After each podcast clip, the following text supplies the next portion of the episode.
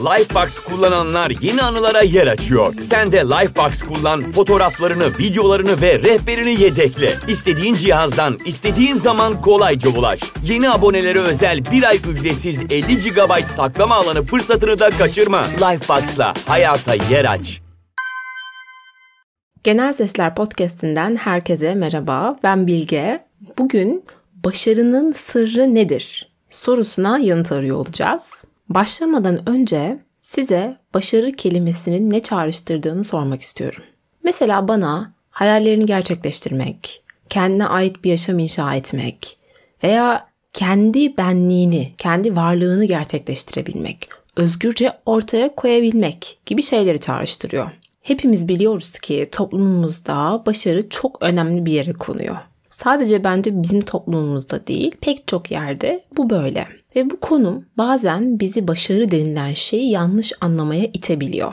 Öncelikle bir konuda anlaşmamız gerek. Başarı toplumun sizden beklediği değil, sizin gerçekten arzuladığınız şeyi gerçekleştirmenizdir. Bu anne olmak, çiçekçi olmak, yazar olmak veya zengin bir iş insanı olmak olabilir. Fakat her ne yapıyorsak yapalım o işte iyi olmayı hepimiz arzularız. Ben bu bölümde başarıdan bahsederken bilinen klasik yöndeki başarılı olmayı değil, bu şekilde bütüncül bir başarıdan bahsediyor olacağım. Bunu da aklınızın bir köşesine not edin ve öyle dinlemeye devam edin. Dediğim gibi hepimiz yaptığımız işte iyi olmayı arzularız.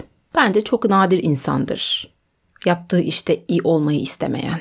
Dediğim gibi hepimiz yaptığımız işte iyi olmayı arzularız. Çünkü kendi potansiyelini keşfetmenin, her geçen gün kendini aşmanın ve zorlukların üstesinden gelmenin insana verdiği bir güven ve haz duygusu var. Ve hepimizin içinde büyük potansiyeller gizli. Bu potansiyel kullanılmadıkça bizi bunalıma ve sıkıntıya sürüklüyor. Ancak özümüzde var olan kaynaklarımızı kullanmak için sınırlarımızı zorlamalıyız. Peki kaç kişi bunu yapabiliyor? Çok az. Dünya tarihinden milyarlarca insan geçti. Kaçı sizce kendini ve hayallerini gerçekleştirebildi? Ve bunu başaranlar nasıl başardı? İşte bu bölümde ekstradan bu sorular üzerine de konuşacağız. Aslında IQ'su çok yüksek olmadığı halde dahi olduğu kabul edilen insanlardan ve sınırların ötesine geçebilenlerin hikayelerinden bahsedeceğiz. Sabır, tutku ve kararlılığın bizi nasıl diğer insanlardan daha öne çıkarabileceğini ve nasıl daha mutlu edebileceğini göreceğiz. Başarılı olmayı yeniden tanımlarken kısıtlayıcı düşüncelerin etkisinden çıkıp yapabileceğimiz şeylere gerçekçi bir yaklaşım sergileyeceğiz. Ve tabii ki bunu yaparken psikoloji biliminden ve başarı üzerine yürütülen birçok araştırmadan destek alacağız. Eğer hazırsanız ve benim kadar heyecanlıysanız başlayalım. Ama önce kısa bir intro gireceğim.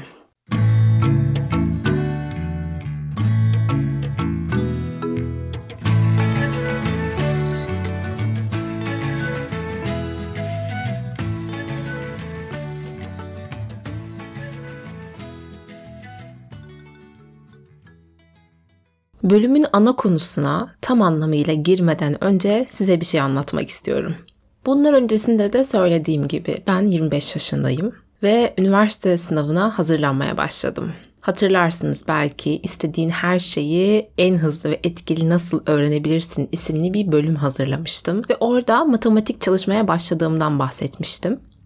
Kazanmak istediğim bir okul var. Bundan öncesinde de üniversite sınavına girdim bu arada ve üniversite kazandım. Ama istediğim yani gerçekten olmak istediğim yerler orası değildi. Bu kazanmak istediğim okulun puanları gerçekten çok yüksek. İyi bir lise eğitimim olmadığı için de matematiğim berbat. Okulu kazanırsam da ailemden destek almadan okuyacağım. Yani aslında pek çok terslik var işin içerisinde. Sınava hazırlanmaya başladığımda ki bu yaklaşık bir ay öncesine falan tekabül ediyor. Türkçe ve sosyal bilimlerde çok iyi olduğum için kendimi şanslı sayıyordum. Bu konularda iyi olmamın sebebi de benim okumayı ve araştırmayı seven kişiliğim yoksa aldığım eğitim değil. Ama dört işlemden matematik öğrenmeye başlayınca sadece matematiğin benim canımı okumaya yeteceğini anladım. Ve en son geçen hafta bir konuda o kadar zorlandım ki sınavda asla istediğim puanı tutturamayacağımı düşünmeye başladım. Zaten aklıma dolan başka pek çok terslik de var. Yaşım ilerledi, çalışıp para kazanmam gerekiyor, ailemden destek almam gerekiyor falan filan. Her neyse böyle ağlamaklı ve sinirlerim bozuk bir şekilde kara kara düşünürken kitaplığımda gözüme bir kitap ilişti her zamanki gibi. Artık biliyorsunuz ben böyle sorunlarımın çözümlerini genellikle kitaplarda arıyorum. Kitabın adı Azim'de. Yıllarca başarının sırrını araştırmış bir psikolog olan Angela Duckworth'un uzun araştırmaları ve pek çok insanla yaptığı görüşmeler sonucunda yazılmıştı. Yazar kitapta başarının gerçek sırrını açıkladığını söylüyordu ve ben de kitabı içer gibi okudum tabii ki. Kitap bittiğinde artık ne yapmam gerektiğini biliyordum. Bu bildiklerimi de sizlerle paylaşmak için klavyenin başına oturdum ve bu bölüm dünyaya geldi. Sizi bölümün girişinde başarı üzerine düşünmeye itmem boşa değil. Çünkü hepimiz dışarıda farklı göstersek de içimizde bir yerlerde başarılı olmanın yetenek ve zeka ile ilgili olduğunu düşünüyoruz. Bu bizi direkt kısa yoldan bazı şeylerden vazgeçmeye sürüklüyor. Mesela ben yıllarca bir okulun hayalini kurdum ama matematikte yeteneğim olmadığı için asla o okula giremeyeceğimi düşündüm. Yani savaşmadan kısa yoldan hayalimden vazgeçtim. Bunu pek çok şey için yapıyor olabiliriz. Bu arada abartmıyorum. Gerçekten de dediğim gibi matematiğim 4 işlem düzeyindeydi. E, artık değil, artık birkaç denklem çözebiliyorum. tamam. Biraz acı nasıl bir haldeyim. Bu konuyu geçelim. Sonradan yetenekten daha önemli şeylerin farkına varmak bana cüretkar hayaller kurma izni verdi. Hatta çok değil dün akşam kardeşimle konuşurken o da bana aynı böyle bir cümle kurdu. Dedi ki abla önceden hayal bile edemiyordun. İkimiz de belki hayal edemiyorduk fakat şu an hayal edebiliyoruz. Bu bile büyük bir başarı dedi. Eğer sizin de içinizde böyle gömdüğünüz rüyalarınız, hayalleriniz varsa söyleyeceklerimi iyi dinleyin. Çünkü hep birlikte yetenek ve zeka mitini aşabiliriz.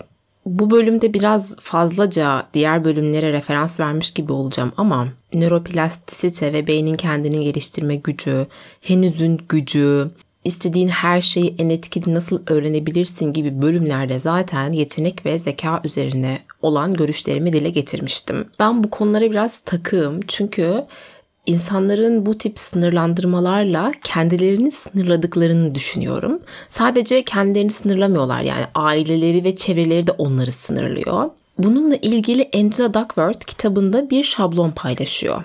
Şablona göre yetenek çarpı çaba eşittir beceri. Yani şöyle düşünelim. Burada aslında bir görselleştirebilsem çok iyi olurdu bunu ama sesimle yapabildiğim kadar iyisini yapacağım. Bir konuda yeteneğiniz var. Diyelim siz çok iyi matematik çözebiliyorsunuz. Bu konuda yeteneklisiniz. Fakat çabanız olmadan bunu bir beceri haline getiremezsiniz. Diyor ki yine yazar, beceri çarpı çaba eşittir başarı. Hmm, anlayabildik mi bunu? Yani şöyle oldu. Beceriyi elde ettik fakat bu beceriyle yine çabayı çarpmazsak başarıyı elde edemeyiz. Farkındaysanız bu hesaplamaya göre başarıya giden yolda çabanın yeteneğe nispetle iki katı yeri var. Evet, yetenek size bir yere kadar yardımcı olabilir ama çaba ve azim yoksa yetenek anlam ifade etmemeye başlıyor. Bu duruma güzel ve e, yakından bir örnek vermek istiyorum. Bu seneki olimpiyatlarda hepimiz altın madalya kazanan sporcumuz Mete Gazoz'la gurur duydu. Ben ve kardeşim Mete Gazoz'u madalya kazanamadığı bir önceki olimpiyatlarda da izlemiş ve hayran olmuştuk. Yeteneği, sporculuğu ve azmi göz kamaştırıcıydı. Onu sadece olimpiyatlar esnasında ok atarken izleyen birisi için Mete bir yetenek abidesi olabilir. Ama çalışmalarının arka planını dinlediğinizde aslında bir azim abidesi olduğunu görüyorsunuz. Okçulukta derinleşmek için aldığı bir sürü farklı eğitim, tatil günlerinde bile 8 saat çalışması, seyahat edeceği ülkelerin saatine göre önceden hazırlanıp egzersiz zamanlarını belirlemesi ve 3 yaşından beri vazgeçmeden sebatla ok atmaya devam etmesi. Bunlar sadece birkaç tanesi. Onun hikayesi aynı azim araştırmaları yapan psikolog yazar Angela Duckworth'un bulduğu gibi diğer başarılı insanların hikayelerine çok benziyor. çabalıyor, devam ediyor, zorlansa bile bırakmıyor. Nietzsche'nin bir sözü var. Diyor ki, her şey mükemmel olduğu zaman bunun nasıl bu hale geldiğini sorgulamayız. Onun yerine sanki sihirli bir biçimde yeri yarıp önümüze çıkmış gibi o an gözümüzün önünde olan şeyin tadını çıkarırız. Böyle yaptığımızda hepimiz ama o yetenekli, o özel, ben onun gibi değilim deme eğiliminde olmaya başlıyoruz. Ben de zamanında hayalimdeki o okulu okuyan insanlara bu gözle bakmıştım. Onlar benden daha yetenekli ve daha zekilerdi. Daha eğitimlilerdi. Belki daha şanslılardı. Fakat şimdi aradaki farkı görüyorum. Evet bana göre belki farklı avantajları olabilir. Ama kesin olan bir şey varsa benden daha çalışkan ve azimlilerdi. O kadar. Bu arada yetenekle ilgili minik bir şey daha eklemek istiyorum. Bazen genetik olarak sahip olduğumuz şeyler bizi bir konuda daha iyi ve hızlı yapabilir. Bunu asla inkar etmiyorum. Ama daha demin bahsettiğim denklemdeki gibi yetenek bir ise çaba ikidir. Yani yetenek sahibi olmaktansa durmadan çabalayan azimli birisi olmak sizin başarılı olmanızda daha etkili olacaktır. Aynı çocukken dinlediğimiz kaplumbağa ve tavşan hikayesinde olduğu gibi. Japonca'da kaizen isimli bir kelime varmış. Ben de bilmiyordum. Japonların 2. Dünya Savaşı'ndan sonra hızlıca kendilerini toparlamalarını bu kelimenin ifade ettiği şeyle bağdaştırıyorlar. Hatta günümüzdeki kişisel gelişim denen şeyin de başlangıcı olarak bunu görüyorlar. Kaizen devamlı iyileşerek ilerlemek demek. Yani her gün biraz daha iyileşerek yaptığımız şeyi daha iyi yapmaya çalışmak. Azimle bir hedefe doğru ilerlemenin tanımı da aslında tam olarak bu. Azmi bu kadar övdükten sonra aklımıza şöyle bir soru gelebilir. Azim dediğimiz şey geliştirilebilir bir şey mi yoksa o da mı yetenek? Cevabı tahmin edebiliyorsunuzdur. Tabii ki de geliştirilebilir. Bunu psikoloji bilimi söylüyor. O yüzden gönül rahatlığıyla inanabilirsiniz. Azmi geliştirmenin dört aşaması var. Ve bence bu bölümün de en önemli kısmı bu.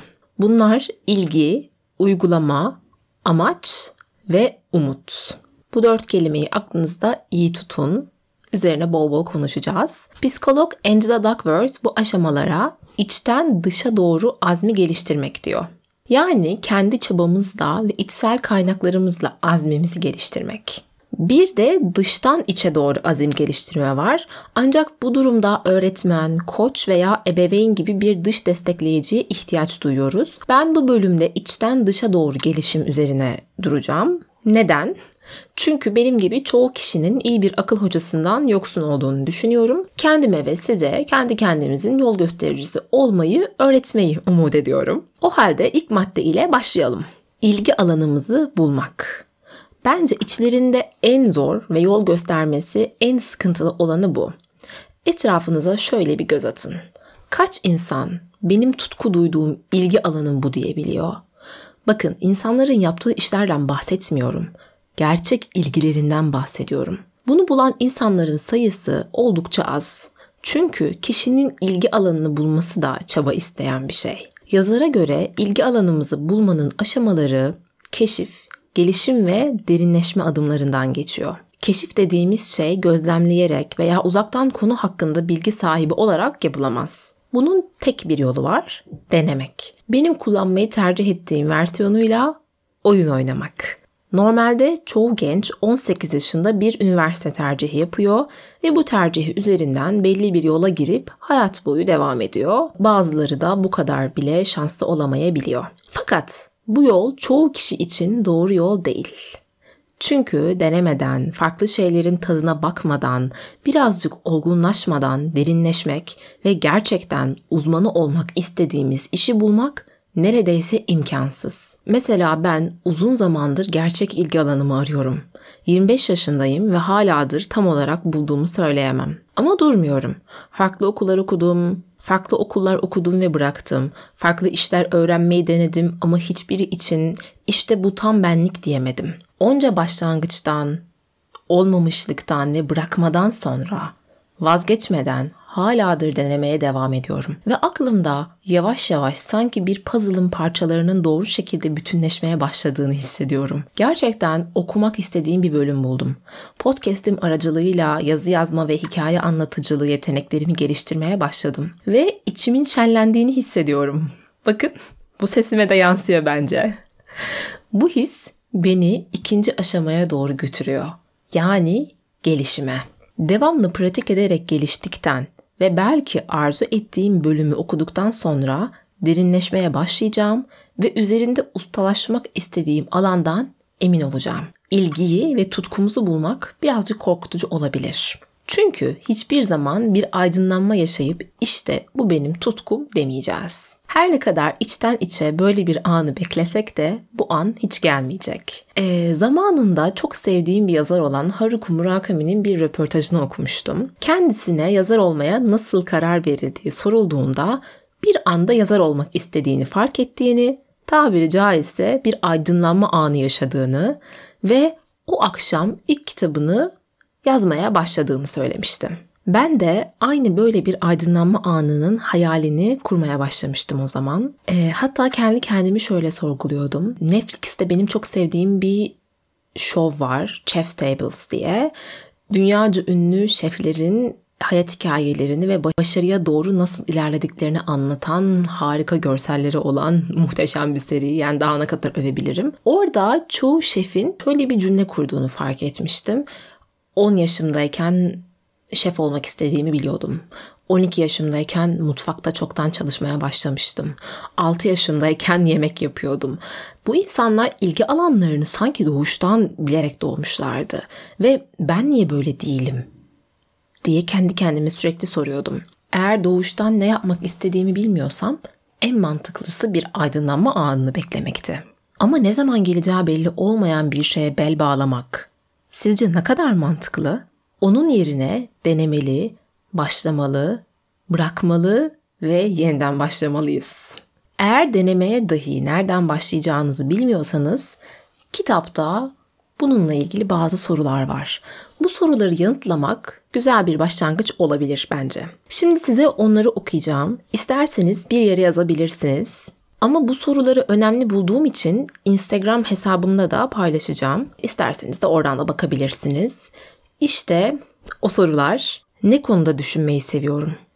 Aklım nereye kayıyor? Gerçekten neye değer veriyorum?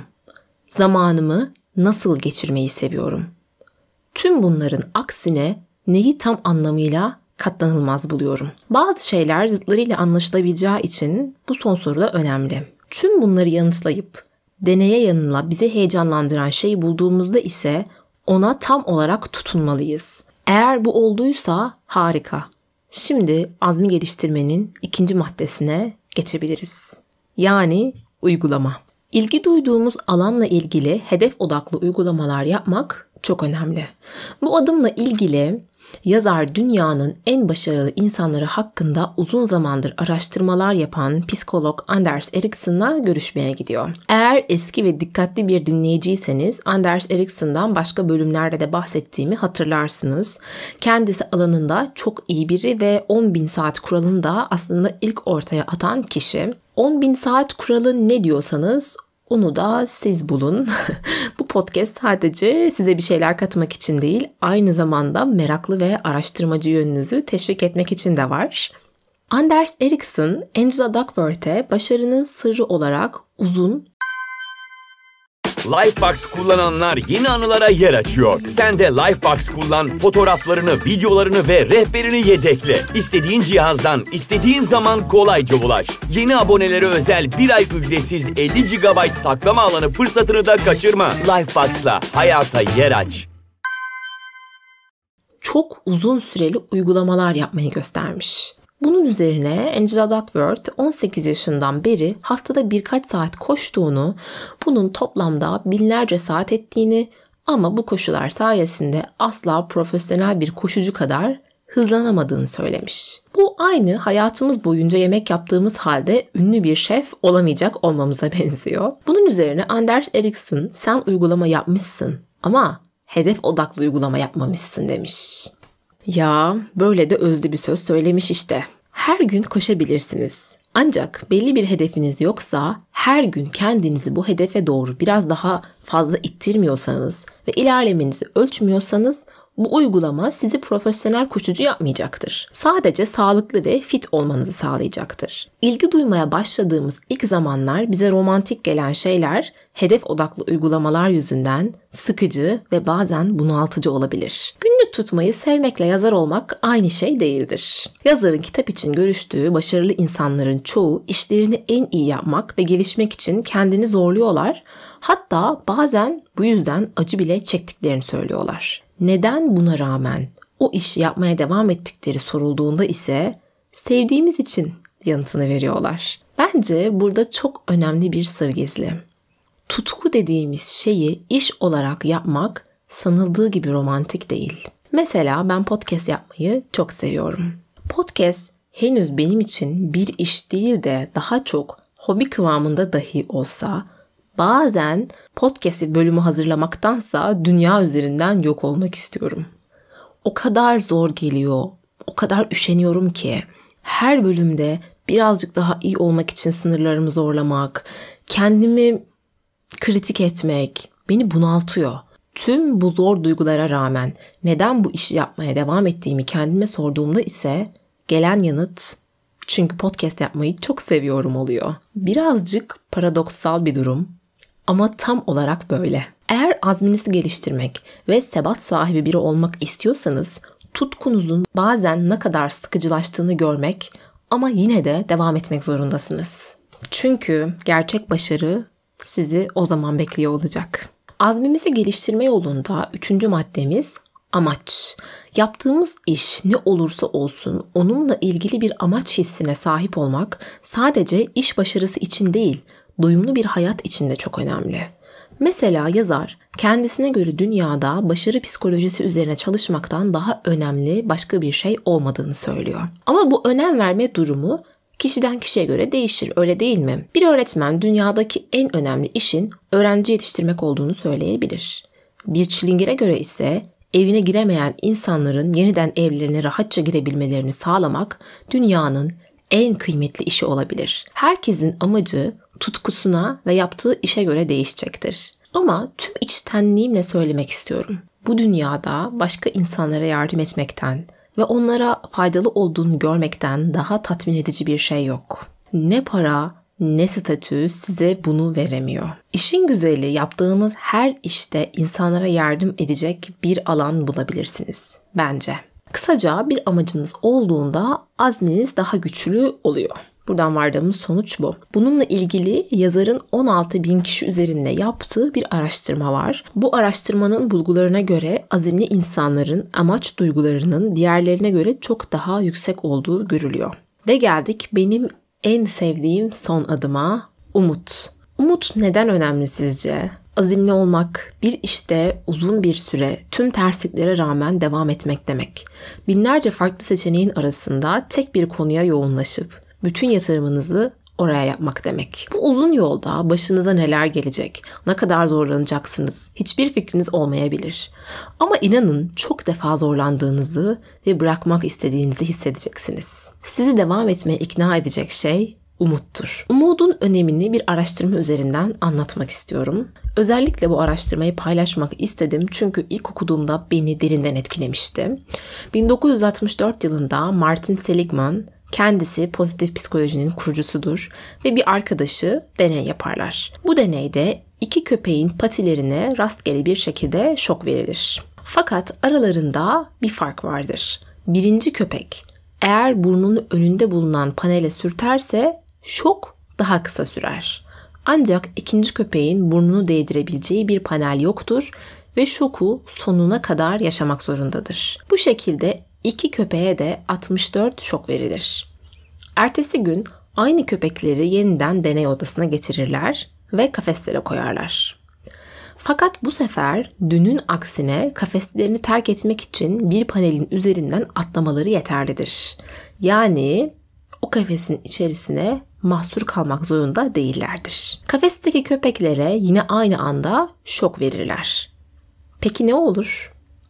Bir önceki gün burnunu panele sürtüp acısını kontrol edebilen köpek hemen kafesten atlar. Ancak burnunun önünde panel olmayan ve acısını kontrol edemeyen köpek ise kafesinden atlayabileceği halde atlamaz ve yere yatıp sızlanarak şokun geçmesini bekler. Bu deneyin gösterdiği en önemli şey bizi umutsuz yapanın acımızı kontrol edemeyeceğimizi düşünmek olduğu gerçeği. Martin Seligman ve arkadaşları bu duruma öğrenilmiş çaresizlik adını veriyorlar. Çaresizliği ve umutsuzluğu özellikle küçük yaşlarımızda başımıza gelen kötü olayları kontrol edemediğimiz zamanlarda öğreniyoruz. Ve sanıyoruz ki bu hep böyle olacak. Yetişkin olduğumuzda ve başımıza zor bir olay geldiğinde azimle savaşmak yerine aynı ikinci köpek gibi yerde yatıp sızlanıyoruz. Oysa istesek o acıdan kaçmak için kapımız açık.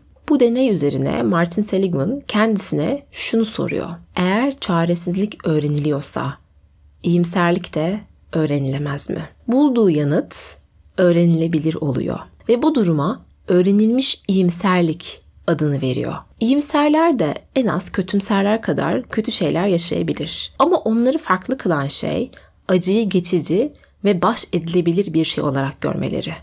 Kötümser biri başarısız olduğunda kendine her şeyi berbat ediyorum. Benden adam olmaz gibi şeyler söylemeye yatkınken iyimserler zamanımı yanlış yönettim.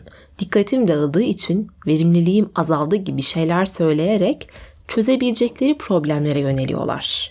Bu durumda umudu öğrenmenin ilk adımı yeteneği ve zekayı olan bakış açımızı değiştirmek Önce zihniyetimizi düzeltmeliyiz. Podcast'in Henüzün Gücü isimli bölümünde gelişim zihniyetinden bahsetmiştim. Gelişim zihniyeti yeteneğin ve zekanın zamanla gelişebileceğine inanır. Eğer bir şey yapamıyorsak henüz yapamıyoruzdur. Bu gelecekte de bu işi yapamayacağımızın kanıtı değildir. İkinci adımımız ise iyimser içsel konuşmayı öğrenmek. Kendimizle iyimser ve olumlu konuşma pratikleri yapmalıyız. Bu şekilde öğrenilmiş iyimserliği öğrenebiliriz.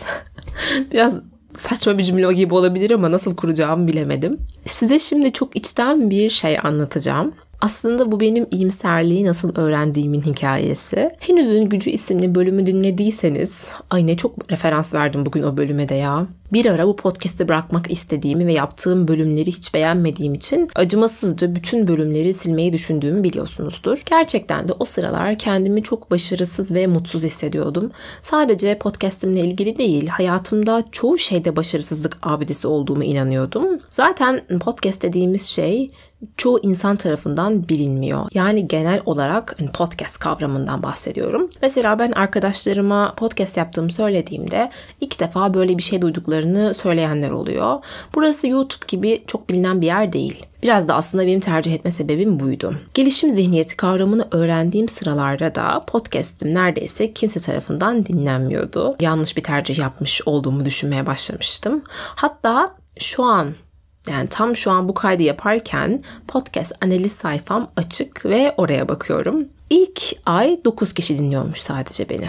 Düşünebiliyor musunuz? Sadece 9. Her biri için uzun araştırmalar yaptığım ve elimden geldiğince iyi bir iş ortaya koymaya çalıştığım bölümlerim kimse tarafından ilgi görmüyordu. Bakış açımı gelişim zihniyetine göre değiştirip kendimle iyimser konuşmayı öğrenince şöyle dedim kendi kendime. Podcast yapmayı çok seviyorum başka insanların hayatlarına dokunmak ve öğrendiklerimi öğretmek istiyorum. Şu an çok kişi ulaşamamış olmam bundan sonra da ulaşamayacağımı göstermez. Henüz istediğim kadar kaliteli bölümler ortaya koyamamış olmam bunun sonsuza kadar böyle olacağının işareti değildir. Azimle devam etmeliyim. Ben kendimle bu konuşmayı yapıp devam ettikten sonra ne oldu dersiniz? Bir sonraki ay dinlemem 750'ye, Sonra 1500'e çıktı ve haladır da katlanarak büyümeye devam ediyor. Şu an hayal ettiğimden daha fazla insanla temas ediyorum ve etmeye de devam edeceğim. Bu hikayem bana çok şey öğretti. Olumsuz ve acımasız iç sesimin kurbanı olsaydım ya da başka bir şey yapmaya karar verseydim şu an bu kadar mutlu olamazdım. Çünkü şimdilerde her geçen gün biraz daha iyi olmanın, kendimi geliştirmemin, sebat etmemin ve umut etmemin tadını çıkarıyorum. Azimli olmayı, iyimser olmayı öğrendim. Bu bölümlerde ben aslında sadece öğrendiklerimi paylaşmıyorum sizinle. Öğrenip uyguladığım ve gücüne tanık olduğum şeyleri paylaşıyorum. Tam da bu nedenle tüm bölümler kalbimden geliyor. Birazdan ağlayabilirim. O yüzden bu duygusal kısmı kapatıyorum. Son olarak da size kitapta çok hoşuma giden ve kendim de uygulamaya karar verdiğim bir yöntemden bahsedeceğim. Bu yöntemin adı zor şey kuralı. Öncelikle yapılan araştırmalara göre okul veya iş dışında ilgilenilen bale, dans, gitar, resim, aşçılık gibi aktivitelerin azmin gelişmesinde büyük rolü olduğu bulunmuş. Yazar da bu bağlamda zor şey kuralı diye bir şey oluşturmuş ve bunu kendi ailesi içinde herkesin yani çocuklarının ve eşinin uyguladığını söylüyor. Bu şekilde küçük kızlarının azimlerinin gelişmesinde büyük ilerleme olduğunu da belirtmiş. Bu kuralın üç kısmı var. Birincisi adından da belli olduğu üzere zor bir şey yapmak. Mesela gün boyu öğretmenlik yapıyor olabilirsiniz ama her gün bunun yanında düzenli gitar da çalabilirsiniz. Gitar çalmak sizin zor şeyiniz olacak ve her gün bu pratiği yapmanız gerekli. İkinci kısım bırakabilmek. Seçtiğiniz zor şeyi bırakabilirsiniz ancak hemen değil. Önce belirli bir zaman aralığı koymalısınız. Diyelim 6 ay gitar çalmaya karar verdiniz ve bu 6 aylık süre için bir kursa yazıldınız, parasını da ödediniz. Bu süreç içerisinde asla vazgeçemezsiniz. Ne kadar zorlansanız, bunalsanız bile gitar çalmaya devam etmelisiniz. Ancak 6.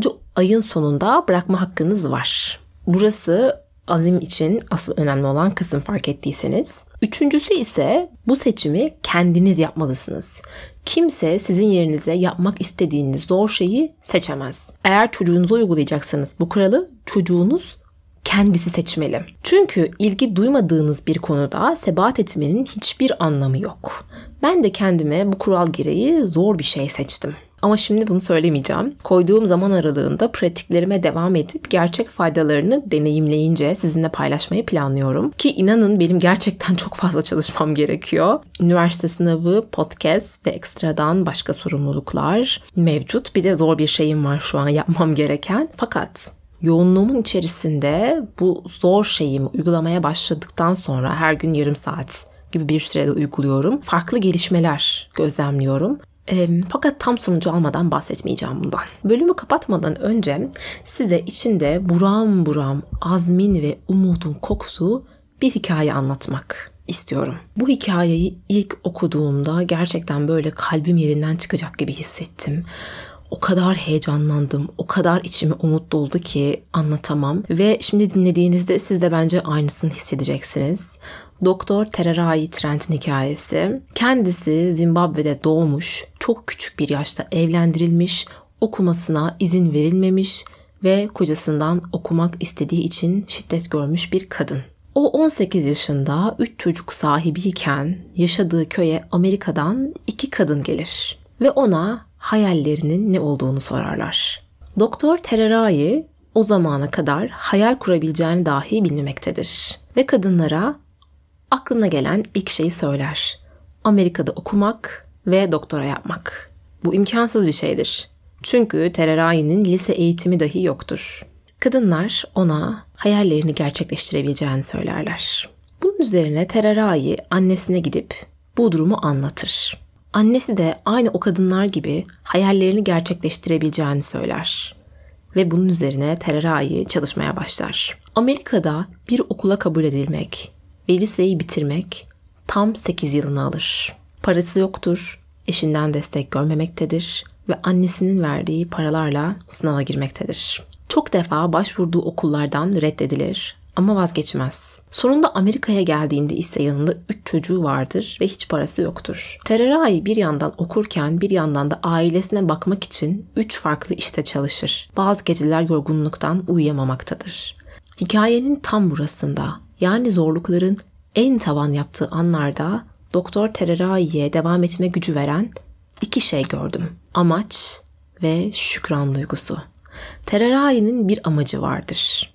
Amerika'da okuduktan sonra kendi ülkesindeki kız çocukları için okul açmak ve onların daha iyi eğitim almasına katkı sağlamak istemektedir. Üç işte çalışırken dahi başını sokacak bir evi olduğu için her gün şükretmektedir.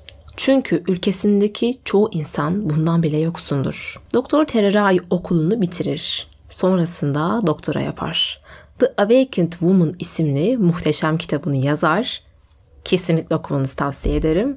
Ve Oprah'ın programına çıkar. Oprah onu 100 yılın konuğu ilan eder. Ve vakfına 1,5 milyon dolar bağışlar. Bu bağışla Doktor Tererai ülkesindeki kızlar için bir okul açmayı başarır. Ve haladır da vakfında çalışmalarına devam ediyor, durmuyor. İmkansız hayallerini azim, umut, amaç ve şükranla gerçekleştirmiş birisi o. Bu hikaye gerçekten de imkansızın hikayesi. Ama içinde bölüm boyunca anlattığım ve psikoloji biliminin tavsiye ettiği her şeyi barındırıyor. Sanırım azimle çok istediğiniz şey için çalışmaya devam ederseniz o kaçınılmaz bir şekilde gerçek oluyor. Görüyorsunuz değil mi? Cesur hayaller kurmak, imkansızın imkanlı olduğuna inanmamak için hiçbir sebep yok. Hayaller gerçek olmak, zorluklar ise aşılmak için var. Bu bölümü kendi kişisel tarihime bir not olarak bırakıyorum. Bir sene sonra yeniden dinleyeceğim ve üzerine çalıştığım şeylerde ne kadar sebat ettiğimi, ne kadarını başarabildiğimi ölçeceğim. Bugün siz de kendi kişisel tarihinize bir not bırakmaya ne dersiniz? İmkansız gördüğünüz ama içten içe gerçek olmasını istediğiniz ne var? Onu yazın ve gerçek olması için azimle çalışmaya başlayın. Bir sene sonra tarihler 11-10-2022 gösterirken yeniden buluşalım ve ne kadar ilerlediğimize bakalım. Bu tarihi ben şu an not alıyorum. Tam bir sene sonra azim ve hayaller üzerine yeniden konuşacağız. Ama o zamana kadar vazgeçmeden sıkı çalışmaya devam. Genel Sesler Podcast'inin bir bölümünün daha sonuna geldik. Yine içimi bir hüzün kapladı. İçimde bir şükran duygusuyla şu an bölümü kapatıyorum. Yaptığım her bölümden sonra bana mesajlar gönderiyorsunuz. Hat- hatta geçenlerde bir tane dinleyicim bölümden aldığı notları bana resmini göndermişti. Böyle şeyler, böyle gelen mesajlar ve size dokunabildiğimi hissetmek bana çok iyi geliyor. Amaç duygumu besliyor ve bu da artık bildiğiniz üzere azmimi güçlendiriyor. Kendinize çok iyi bakın. Bölümle ilgili yorumlarınızı, mesajlarınızı biliyorsunuz her zaman beklerim. Eğer bu podcast'i severek dinliyorsanız sevdiklerinizle de paylaşabilirsiniz. Azimle yolunuza devam etmeyi ihmal etmeyin. Ve zorlandığınızda kendinizle iyimser konuşun. Hoşçakalın.